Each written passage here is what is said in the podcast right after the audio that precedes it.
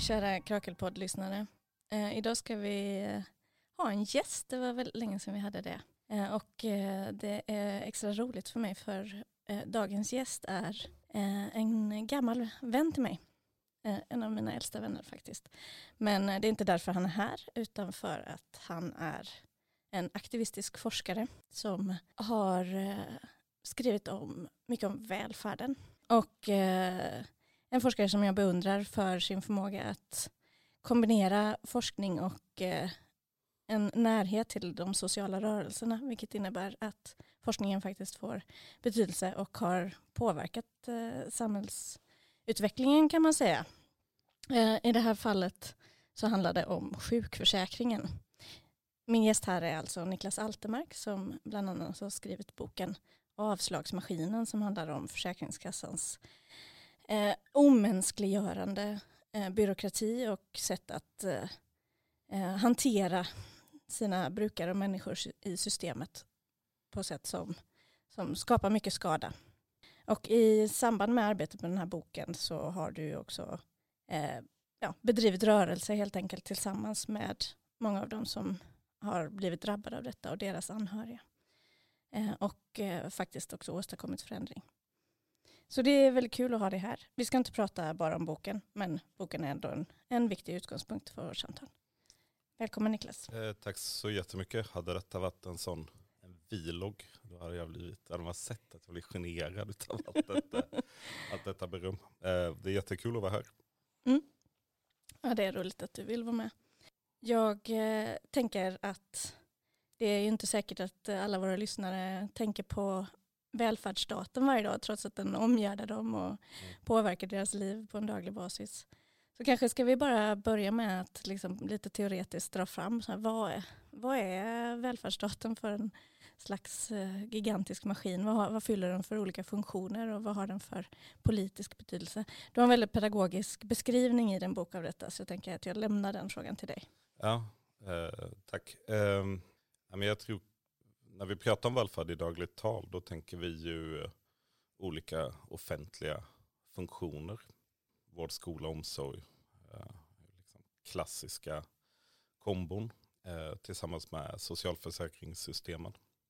Sen utförs ju välfärd också av icke-offentliga eh, organisationer i dessa dagar. Men jag kanske tänker, som du säger då, mer på det utifrån vad välfärdsstaten gör och då tror jag att man kan säga att välfärdsstaten har tre grundläggande funktioner. Eh, för det första så fördelar välfärdsstaten makt. Och det är mellan arbete och kapital helt enkelt. Och det gör den dels genom att omfördela ekonomiska resurser och dels genom att försäkra människor mot eh, elände. Så de blir mindre exploaterbara? De blir mindre exploaterbara när livet blir bättre för människor som inte arbetar, eh, som inte är sjuka.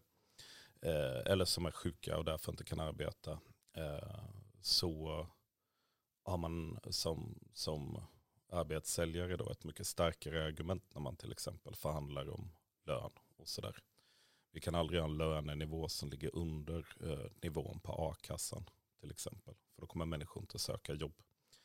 Eh, så under, när vi byggde ut välfärdsstaten under ja, mitten av 1900-talet eh, så stärkte vi också arbetarklassens eh, ställning i samhället och gav dem en starkare förhandlingsposition gentemot arbetsgivarna. Och det är ju ena sidan av myntet. Det här myntet har i sig tre sidor, så dålig, dålig liknelse. Men, den andra sidan av det är å andra sidan att att välfärdsstaten eh, lanserades och växte fram som ett sätt att, att eh, dämpa klasskonflikter i samhället. När idén om den starka välfärdsstaten växte fram så fanns det ett reellt hot om ett socialistiskt samhälle, att kapitalismen skulle avskaffas. Som i alla fall då utav arbetsgivare upplevdes som, som, som reellt. Och liksom det var någonting man var orolig för. Eh, det är vanligt att man beskriver folkhemmet och, och välfärdsstaten som en kompromiss därför mellan arbete och kapital. Å ena sidan får vi de här institutionerna, eh, de här systemen som gör livet bättre för människor, som, som ger mer makt åt människor över det egna livet. Men å andra sidan så avvärjer vi hotet om att avskaffa kapitalismen. För det tredje så har välfärdsstaten haft funktionen att eh, kontrollera befolkningen och att upprätthålla vissa normer i samhället. Eh, oftast har detta handlat om, om arbeten när man har designat välfärdssystemen så har man varit väldigt medveten och eh, ibland bekymrad över hur man liksom ska kunna upprätthålla ett ideal om arbete. Eh, och hur man kan designa de här systemen så att de kanaliserar eh, det här idealen. Om man liksom läser Per Albins folkhemstal idag så framstår ju arbete som ett helt centralt och överordnat värde i det talet. Alla ska bidra så genom att jobba och i gengäld så kan vi omfördela lite pengar. Det är liksom, ja, analogin är ju familjen då, samhällsgruppen som familj. Så här finns ju också upphävandet av klasskonflikter i samhället. Eh, men å andra sidan så, så finns det ju människor som inte kan arbeta. Och där har välfärdsstaten parallellt med de här trygghetssystemen också byggt upp institutioner eh, och eh, olika sätt att hantera människor som inte klarar av att jobba. Och ja, det har ju varit en del av min forskning att skriva om hur människor som befinns vara arbetsoförmögna, hur, hur man har sett, eh, sett på dem historiskt inom ramarna för det här välfärdsbygget.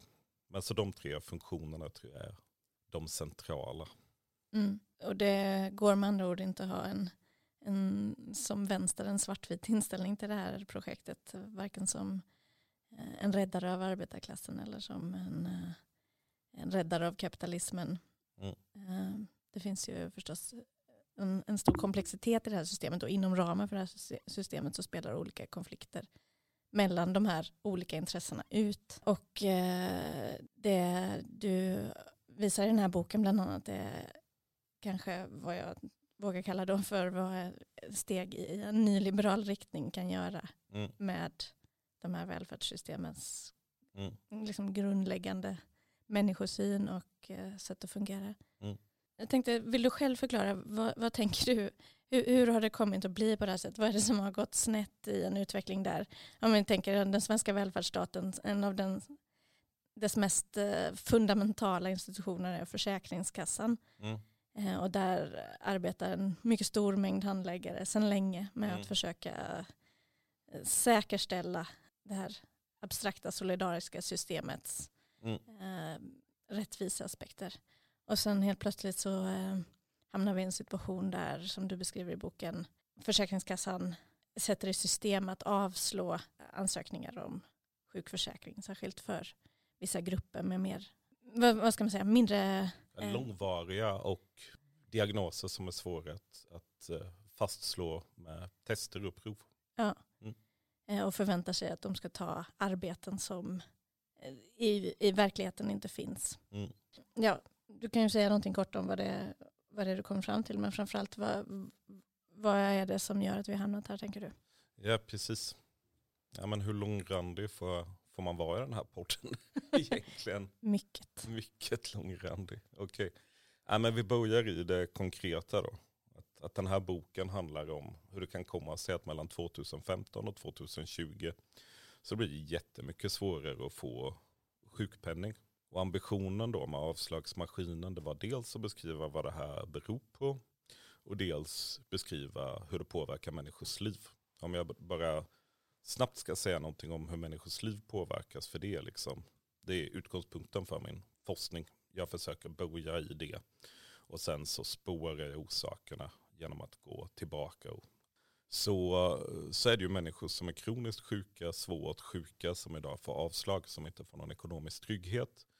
Vilket gör att, att eh, man har byggt in en fallucka kan man säga i det svenska klassamhället när man blir sjuk. Och där kan man trilla ner ganska långt ner. För det som händer då för de här människorna är att de, de kommer hamna i fattigdom förr eller senare. Och den här ekonomiska otryggheten eh, som blir ett resultat av att man inte får ersättning innebär dessutom ofta då att man blir ännu sjukare. I synnerhet så drabbas ju människor med psykiska sjukdomar eller med kronisk smärta. Eh, eller med eh, sjukdomar som där ens funktionsförmåga hänger samman med stress och press och ansträngning som ME och fibromyalgi och sådär. Och alla de här grupperna mår ju mycket, mycket sämre såklart utav att inte veta hur den ekonomiska framtiden ser ut. Det är vanligt att, att människorna som jag då har intervjuat för den här boken och vars historia jag tagit del av, att de beskriver det som att man är liksom i en nedåtgående spiral och det finns ingen möjlighet att ta sig ur den. Man har fått ett avslag på sin sjukpenningansökan som man överhuvudtaget inte kan förstå. Man ser inte att man har någon makt att ta sig ur den här ekonomiska krisen. På längre sikt så kommer man bli tvungen att, att sälja av sina ägodelar om man har några.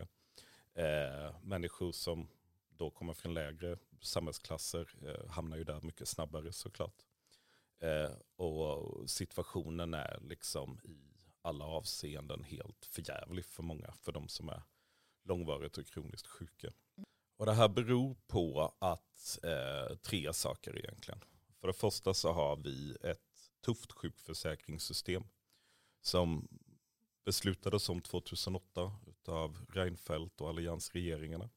Som går ut på att vi har fasta tidsgränser eh, i sjukpenningen, det vill säga när man har varit sjuk i 90 dagar.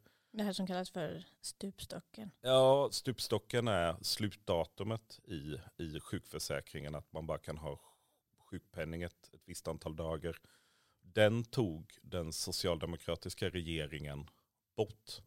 Men istället så införde man då falluckan som innebär att det blir mycket svårare att få sjukpenning under hela sjukperioden fram tills detta.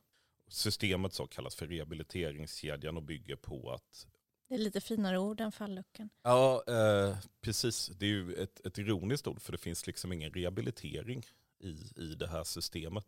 Utan det enda som finns är att det blir svårare och svårare att få sjukpenning ju längre man har varit sjuk. Det är liksom hela innebörden av systemet. Mm. Här... Den, den, hjälp man tänker sig att man ska få är en hårdare och hårdare knuff i ryggen. Ja, exakt. För att komma ur sjuksängen. Det är väldigt få som är tacksamma för den hjälpen kan jag säga efter att ha analyserat 450 berättelser från de här människorna.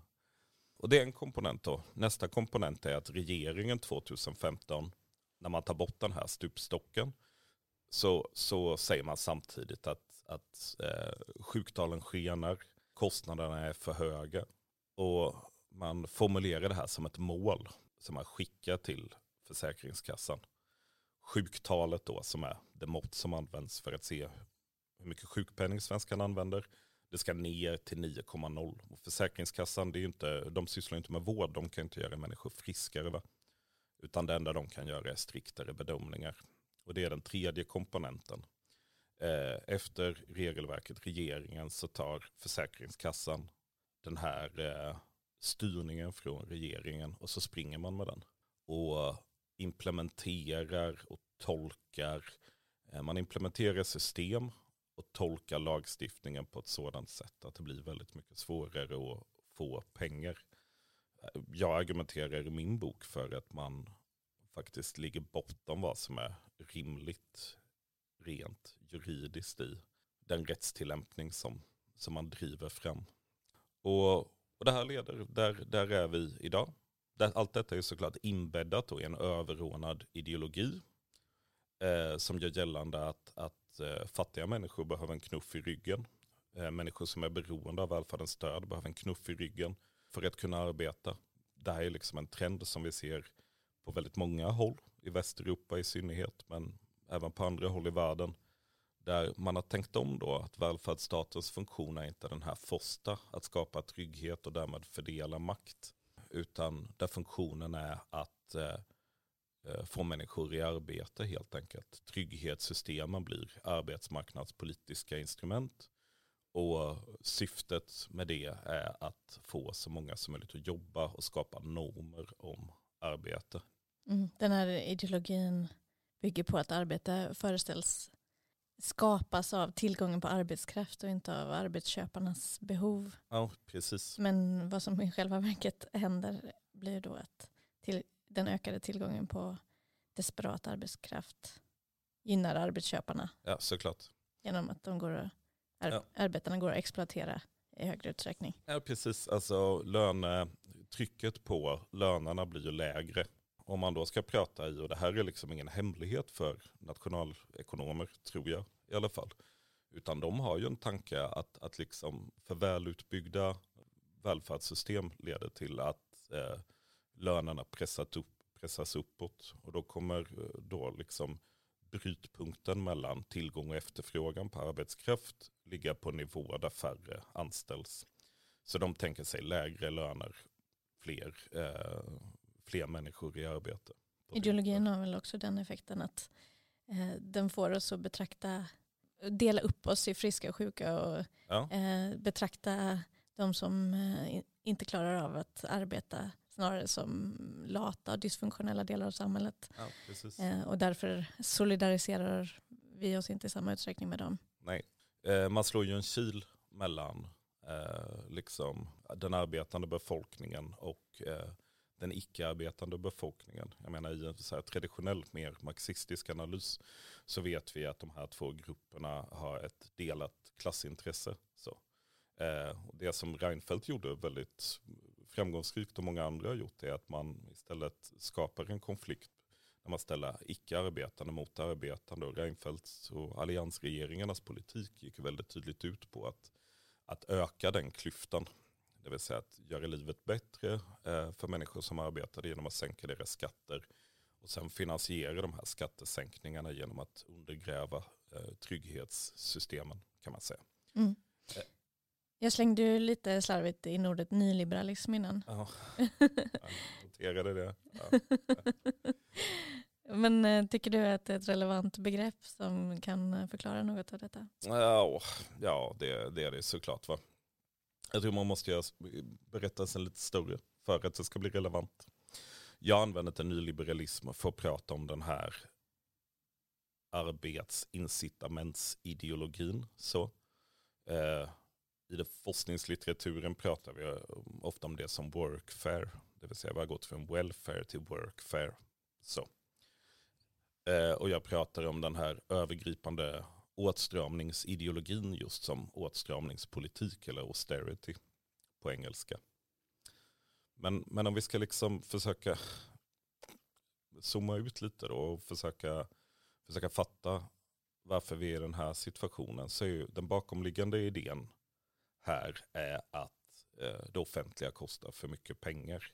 Så en för stor offentlig sektor är inte bra för ekonomin. Och ekonomin är det primära i... Ja, ekonomin är det primära. Ekonomin är ju också en abstraktion här. Men, men om vi ska, det handlar mer konkret om statsfinanserna. Vi har liksom ett, ett ramverk, ett finanspolitiskt ramverk idag som sätter ett tak för hur mycket pengar staten får spendera. Så. Eh, vi, får inte gå, eh, vi, måste ha, vi får inte ha budgetunderskott. Vi sätter ett tak för hur mycket vi kan spendera under de kommande tre åren statsskulden, eh, eller skuldkvoten får inte vara högre än 35% av BNP och så vidare och så vidare.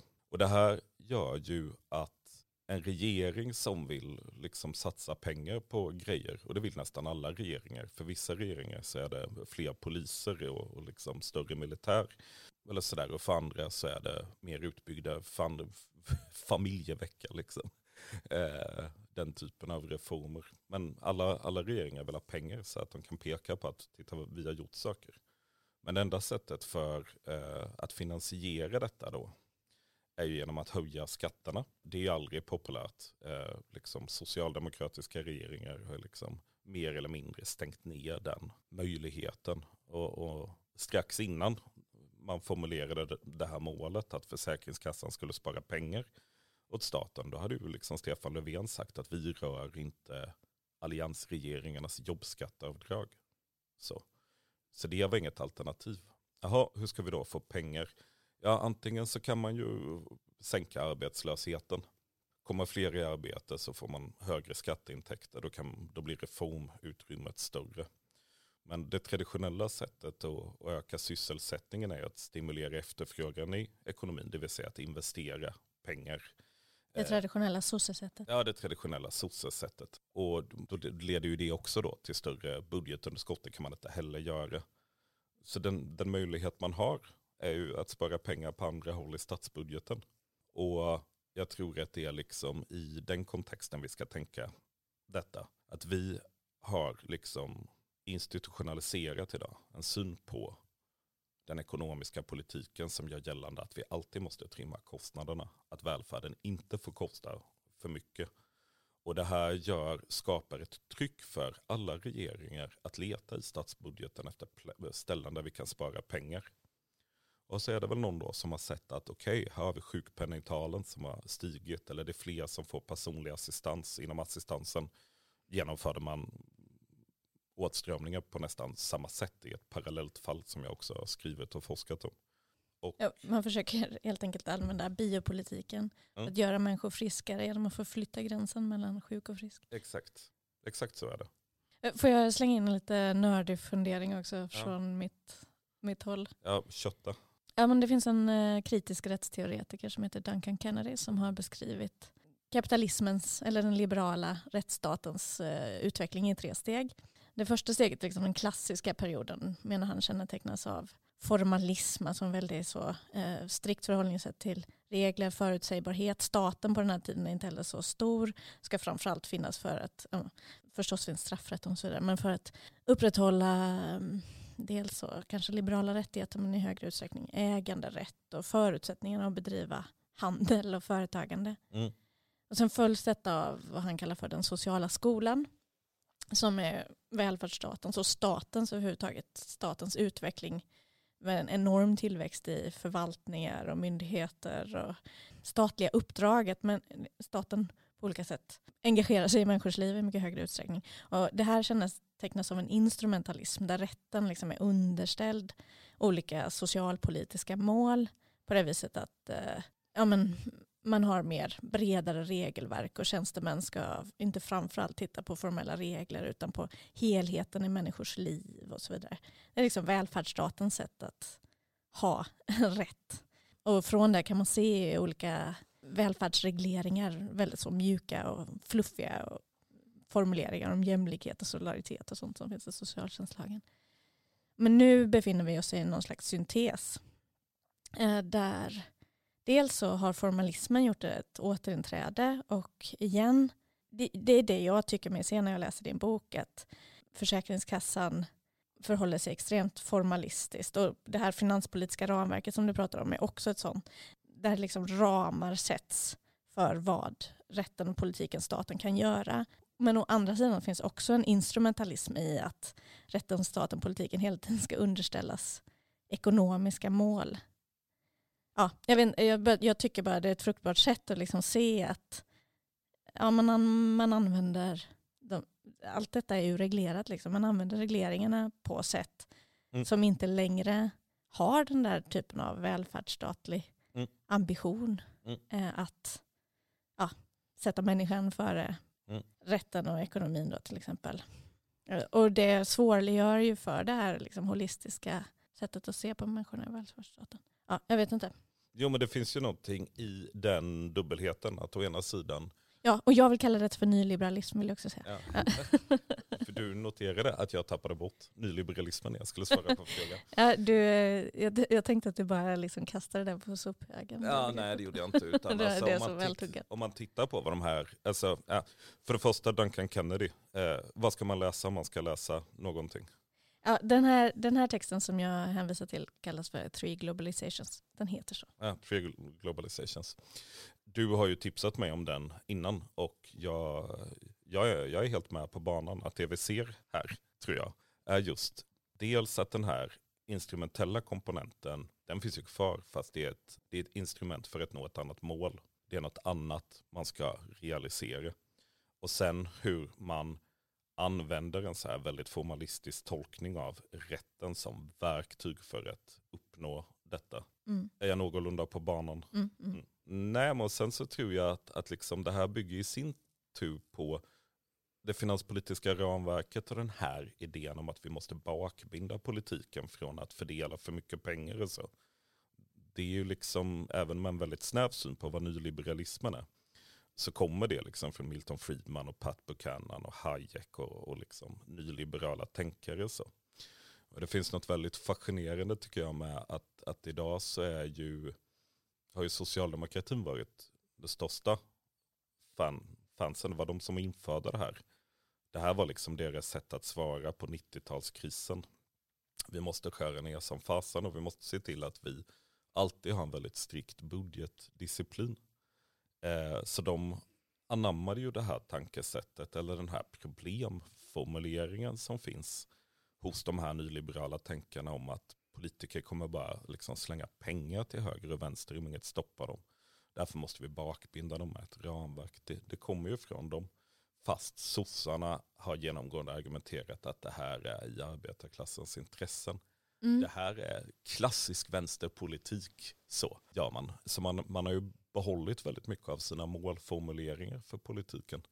Men man har bytt ut problembilden som man utgår ifrån. Här kommer vi till de senaste 35 årens hot potato. Ja. Varför gör sossarna det här? Eh, Varför förstör de det de en gång byggt upp?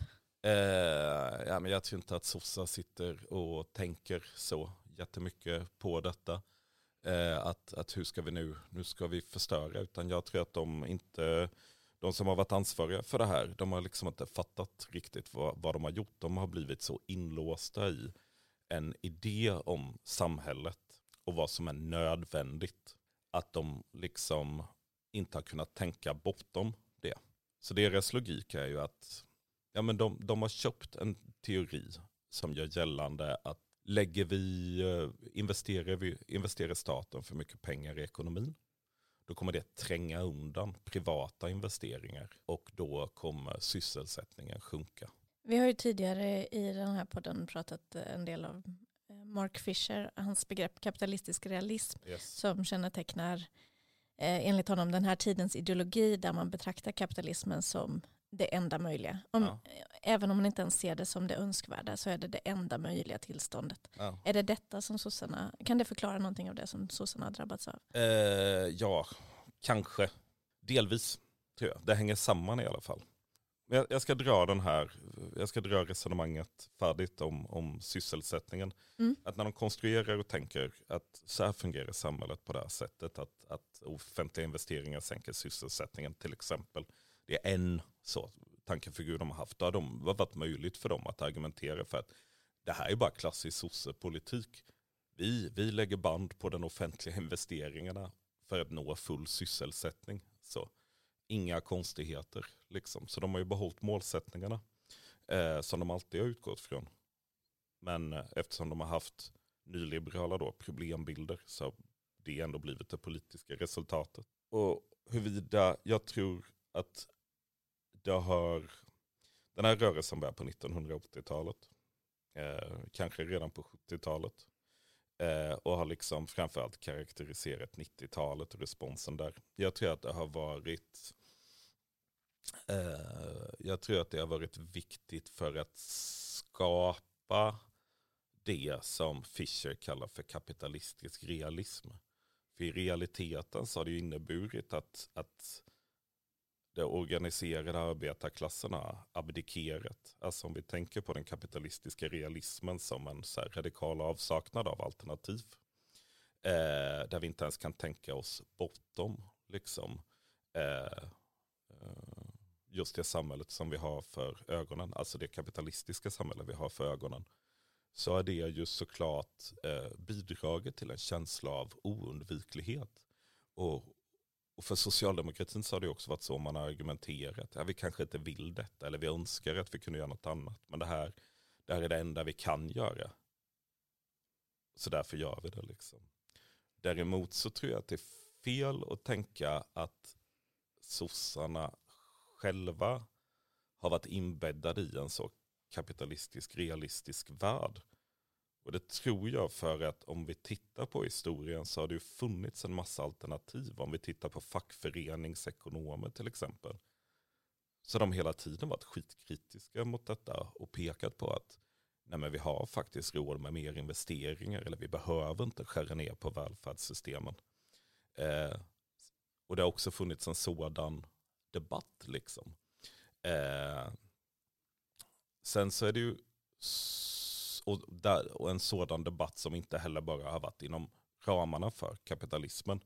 Utan där man har velat hålla kvar vid idén om liksom att, att eh, kapitalismen är någonting som vi kan lämna bakom oss. Så, eh, så jag tror kanske att det, att det är vettigare att tänka den kapitalistiska realismen som ett resultat av utvecklingen än som en, som en orsak.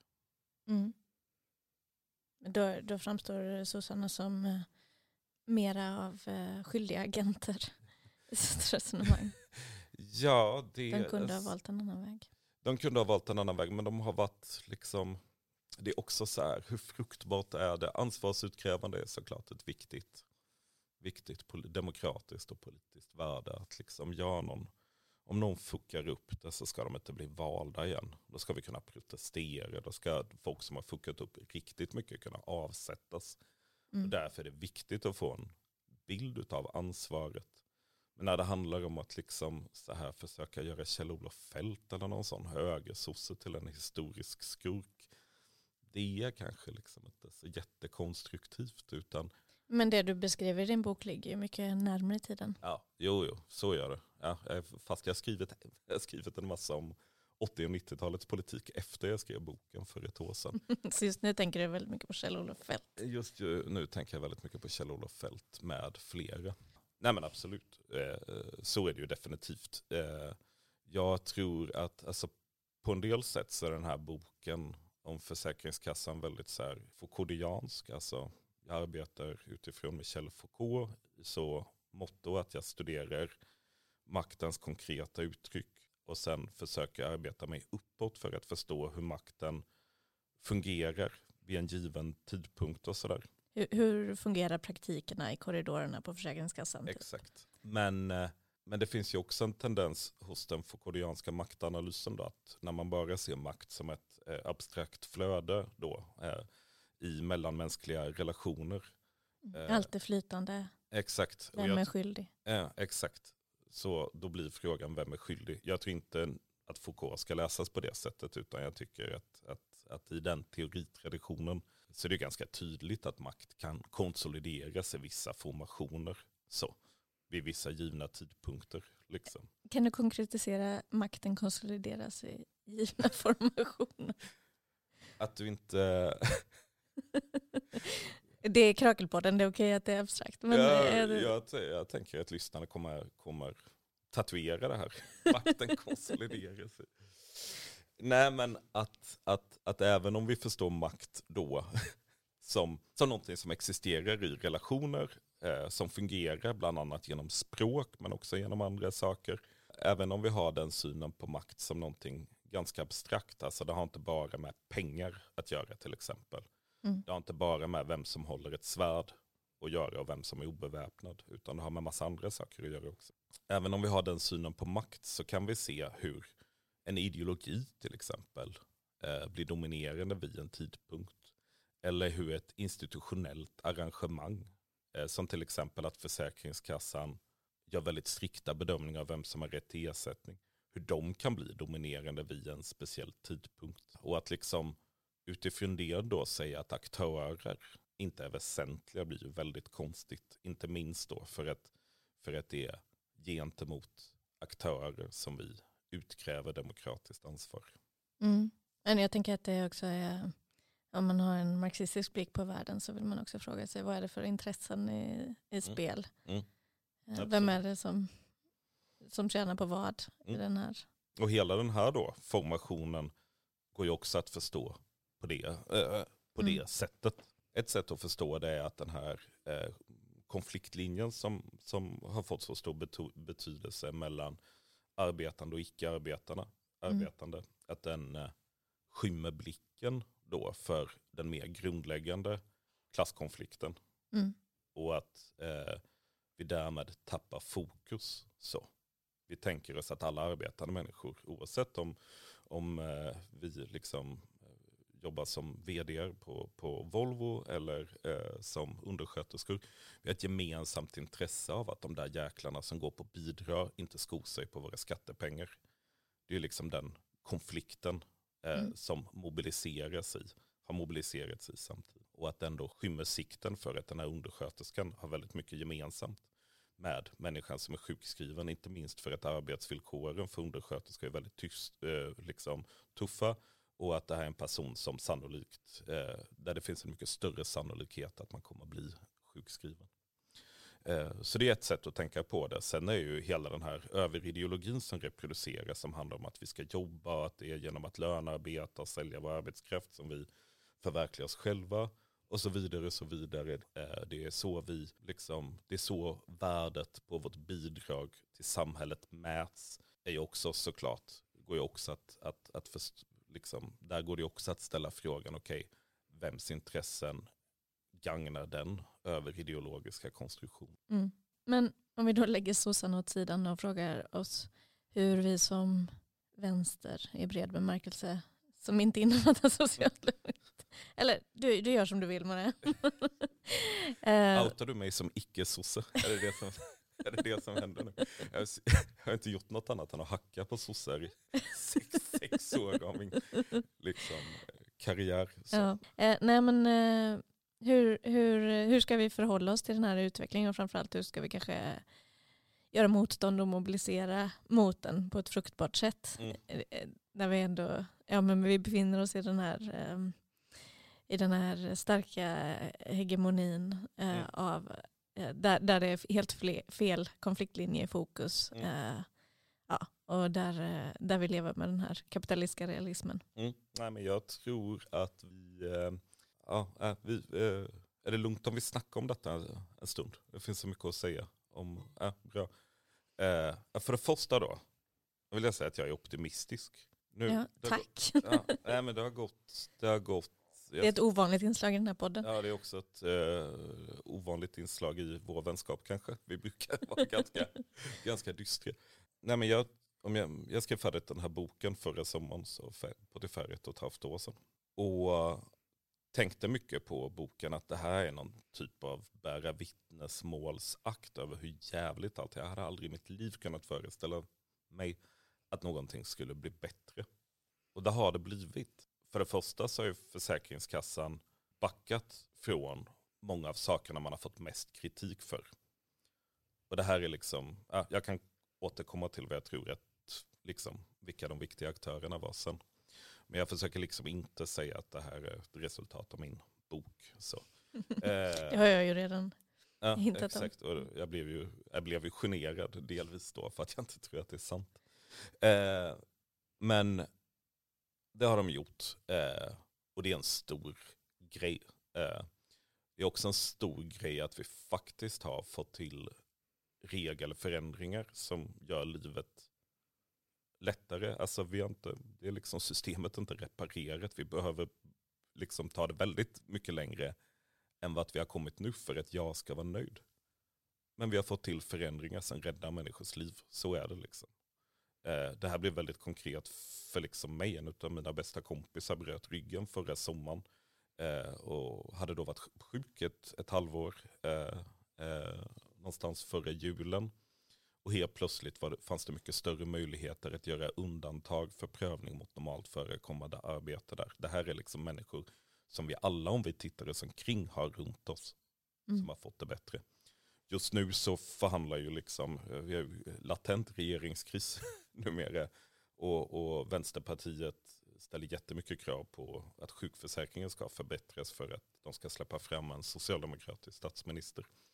Eh, men framförallt så har ju debatten vänt. Vi har sedan början av 2000-talet bara pratat om bidragsfusk, bidragsberoende, människor blir lata av för välutbyggda välfärdssystem. Det har varit den välf debatten om socialförsäkringssystemet har sett ut så.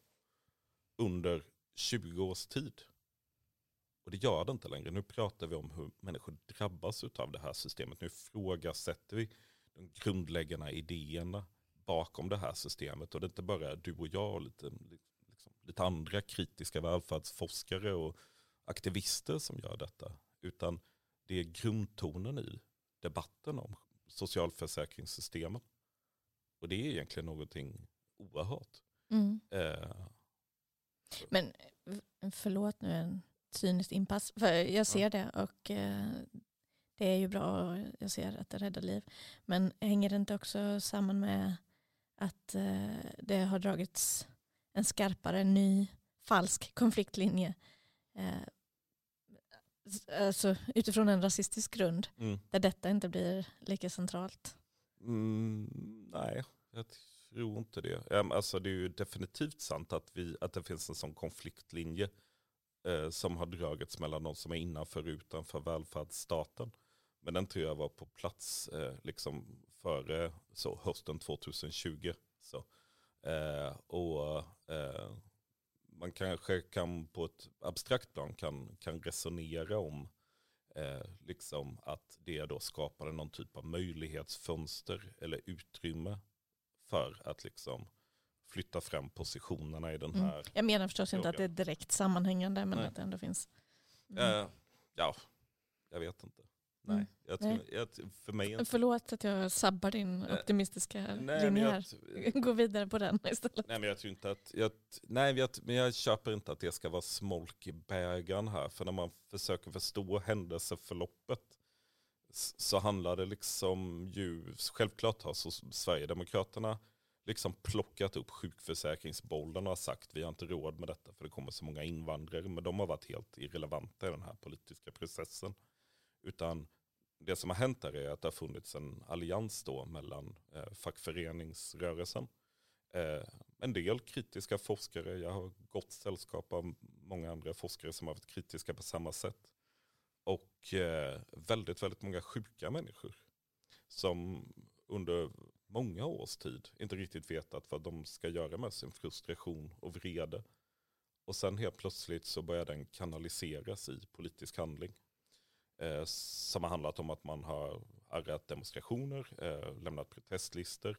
Eh, framförallt så har man bombarderat riksdagsledamöter och, och offentliga utredningar med vittnesmål om hur man har det. Tänt gravljus på Försäkringskassans Man har ställt gravljus utanför, utanför försäkringskassekontor. Och, och man har gjort alla möjliga eh, saker och så. Eh, och det här har ju skapat en idé. Och man har framförallt legat på media jättemycket att ta upp fall så att liksom, det skapas känslan av en folkstorm. Så, vilket det ju också har varit. Eh, och jag tror att det är de komponenterna som har liksom tillsammans har vridit detta. Och jag kan konstatera när jag tittar på det här händelseskeendet under de senaste ett år, året egentligen, så, så har ju liksom, som väl är då, det skeendet var helt, varit helt befriat från att man har pekat ut liksom, människor som antas inte vara riktiga svenskar eller be, var liksom, ja, befinna sig utanför svenskheten. Det har ju liksom inte varit närvarande. Så Men, men eh, hur tänker du att den här utvecklingen hör ihop med det här större ni- meta Mm. eh, tendenserna i samhället? Mm. jag tror att det är inom vänstern. Och som vänster så har vi ju en latent spänning mellan liksom, eh, ja, reformism och revolution eller omfattande samhällsförändringar och mindre samhällsförändringar. Eh, och där, där det ofta har funnits en förväntan tror jag att man ska välja sida eller förhålla sig på ett eller annat sätt då till detta. Eh, och, och det här är marginella förändringar ur det större perspektivet. Anledningen till att jag alltid säger att det här har faktiskt räddat liv, för det har det, är att, att jag tycker att det finns en lite olycklig tendens att förringa de segrarna och dess betydelse för människor. Liksom folk, jag tror att folk ofta tänker kring socialism eller ja, sådär som det är en speciell typ av samhälle eh, som vi ska realisera. Eh, och sen kan modellen för det samhället se ut så kan se ut på olika sätt. Men jag är rätt övertygad om att i alla fall jag är inte socialist på det sättet. Utan för mig är, är, är liksom min vänsterövertygelse en strävan mot jämlikhet och frihet eh, genom att fördela makt i samhället. Eh, det, Just istället för att tänka sig att det finns ett himmelrike bortom denna verklighet så, så handlar det om konflikter inom den. Ja, jag, jag är, är liksom inte så, ja, Jag tror att jag, för mig är det också den här friheten som vi försöker realisera. Den förutsätter också en öppenhet inför framtiden. Eh, eh, och en aspekt av den öppenheten är att, är att liksom, ja, men saker och ting kan röra sig i en utveckling vi kanske inte vill. Och eh, samhället kommer liksom inte bli färdigt utan det kommer fortsätta utvecklas. För mig då så är det liksom den, jag tror att en, en källa till hopplöshet för många vänsterorienterade personer är, är den här idén om att, om att vi liksom måste ta oss till socialismen och när vi tittar på samhället så ser vägen jävligt snårig ut helt enkelt. Men om vi istället tänker på, eh, på, på liksom socialism som ett ett arbete för att förflytta makt till människor som saknar makt. Eh, som leder till ökad jämlikhet och större frihet. Eh, så, så blir inte vägen så snårig. Då blir också de väldigt små segrarna värda att, att fira. Mm. Så. Då blir det inte heller den här svartvita uppdelningen. Nej, precis. Jag, jag liksom också rätt svårt för liksom så, eh, de här eh, stora tunga koncepten och etiketterna som vi sätter på, på samhället. Eh, som liksom socialistiskt, kapitalistiskt. Jag, jag tycker det finns liksom eh, någon små totalitär eh, tendens i, i att eh, tänka på det sättet. Eh, nej, ska, man kan absolut tänka på det sättet utan att, att vara totalitär. Utan det här är mer biografiskt. Så. För mig mm flyger det inte att tänka på det sättet. Men däremot så tror jag att, att liksom en, en... Alltså ingen av de här systemen är absolut, förlåt att jag inflikar, ja. alltså vi, vi har en kapitalistisk eh, världsekonomi, det är tveklöst ja. antar jag, även ja. i din bok. Men det finns också inslag av frihet, jämlikhet som vi kan, ja. och, och andra värden som vi kan kämpa för att utvidga. Absolut, vi sitter, vi sitter här i eh, liksom ABF-huset det är ju en verksamhet och en historia som är ganska befriad från kapitalistisk eh, så, logik. Så, folkbildningstraditionen som har funnits i arbetarrörelsen. Eh, och det är liksom inte, det är inte, det är inte bara värdefullt eh, som, som ett instrument för att nå ett framtida utopia, utan det är också ett realiserande av världen mm. här och nu mm. som är jäkligt viktiga. Eh, däremot så tror jag att vi ibland kan tappa fokus på om, om, alltså om, om jag då ska, ska ansluta mig till smolkebägaren-laget så, så okej, okay, vi har skett förbättringar eh, under det senaste året. Men alla konkreta förbättringar har fortfarande skett inom ramarna för de försämringar som alliansregeringarna införde. Mm. Eh, väldigt mycket politik från vänster har ju handlat om att göra små förbättringar inom ramarna för någonting som egentligen kanske inte ens eh, borde finnas. Mm. Och där, där tycker jag att, att liksom en mer reformorienterad optimism, så, hur kan vi mer permanent förskjuta eh, makt, maktförhållandena i samhället? Hur kan vi mer permanent göra förbättringar som, som, som förflyttar makt, eh, som ökar jämlikhet? Och, och det behöver vi bli bättre på. Det är som att i ena kampen så har vi haft en reformistisk rörelse som har resignerat och bara sagt att vi försämrar i alla fall inte lika snabbt då som, som högern. Så de har inte tänkt på den typen av konkreta reformer som förflyttar makt. Å andra sidan så har vi haft en eh, liksom mer eh, samhällsomdanande vänster som har sagt att allt det där är futilt. Liksom. Det är bara the big ones som, som räknas. Så. Eh. Men eh, det vi behöver göra är, kan man väl uttrycka det som att utmana den kapitalistiska realismen mm. inom vänstern helt enkelt. Mm. Hur gör vi det? Ja, eh, ja. Alltså, kom ju nyss. Nej, du är här för att svara på de stora frågorna. Jag tror inte nödvändigtvis att det behövs såklart någon typ av utopisk horisont. Vi behöver få klart för oss att eh, oavsett om vi vill ha det här ekonomiska systemet eller något annat så är det ett val vi gör. Eh, jag blir jätteglad, jag sa att Johan Norberg hade kommit med ytterligare ett så kapitalistiskt manifest. Eh, eh, som så.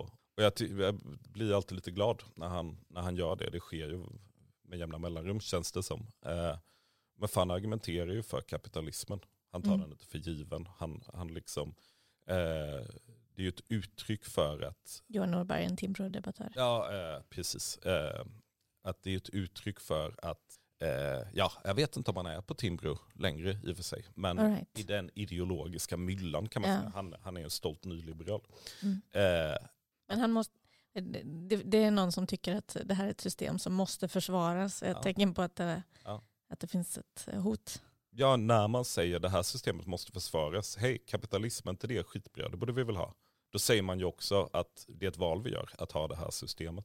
Så att det är ju viktigt liksom, såklart att, att liksom bara göra klart för människor att vi inte är här för att vi måste vara här utan för att liksom det, det, det beslut som fattats, maktkonflikter som har spelat ut på ett speciellt sätt eh, som gjort att vi har hamnat här. Vi kunde ha hamnat någon helt annanstans. Mm. Och det är en sak. Det finns en kamp att ta inom ramen för de konflikterna. Vad sa du?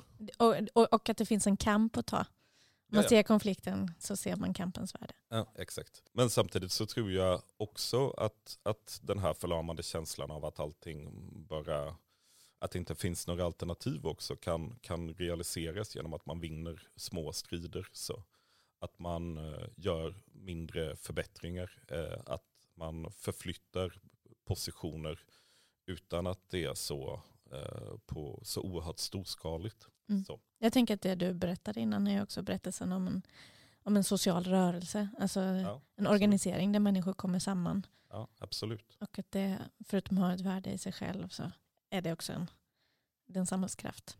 Det är en samhällskraft och det, och det finns någonting i det som, som jag tycker att, att ibland kan bli lite, ja men ibland så kan jag, alltså, och kanske mest när jag tittar i spegeln så kan jag bli lite irriterad på min pessimism liksom, och oförmågan att se, eh, att se potentialen eller se de här sakerna som, som något positivt. Jag tycker marknadsdebatten om marknadsskolan liksom är ett annat exempel.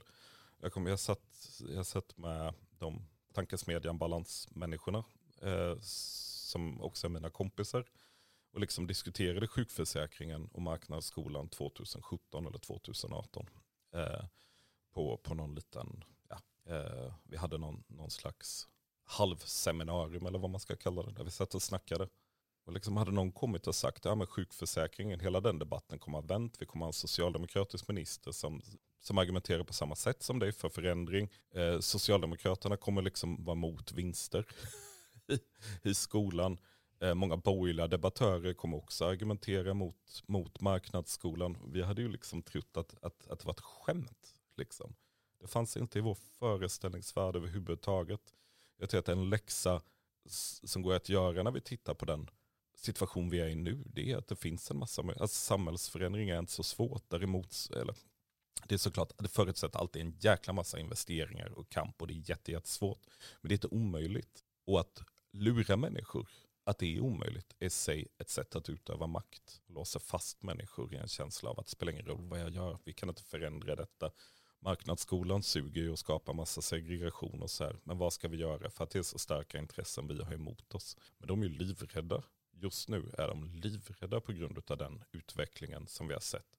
För att de har förlorat debatten, det finns en jätterörelse mot detta. Det finns ett tryck i samhällsdebatten och det är liksom någonting vi ska vara liksom glada över. Vi behöver inte tro att allt är så jävla svårt.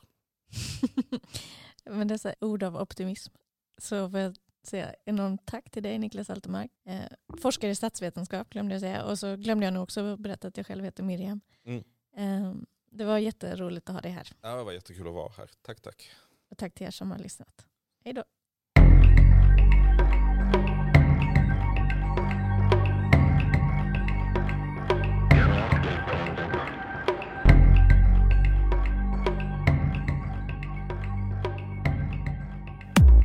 Du har lyssnat på en podcast som görs i samarbete med ABF Malmö.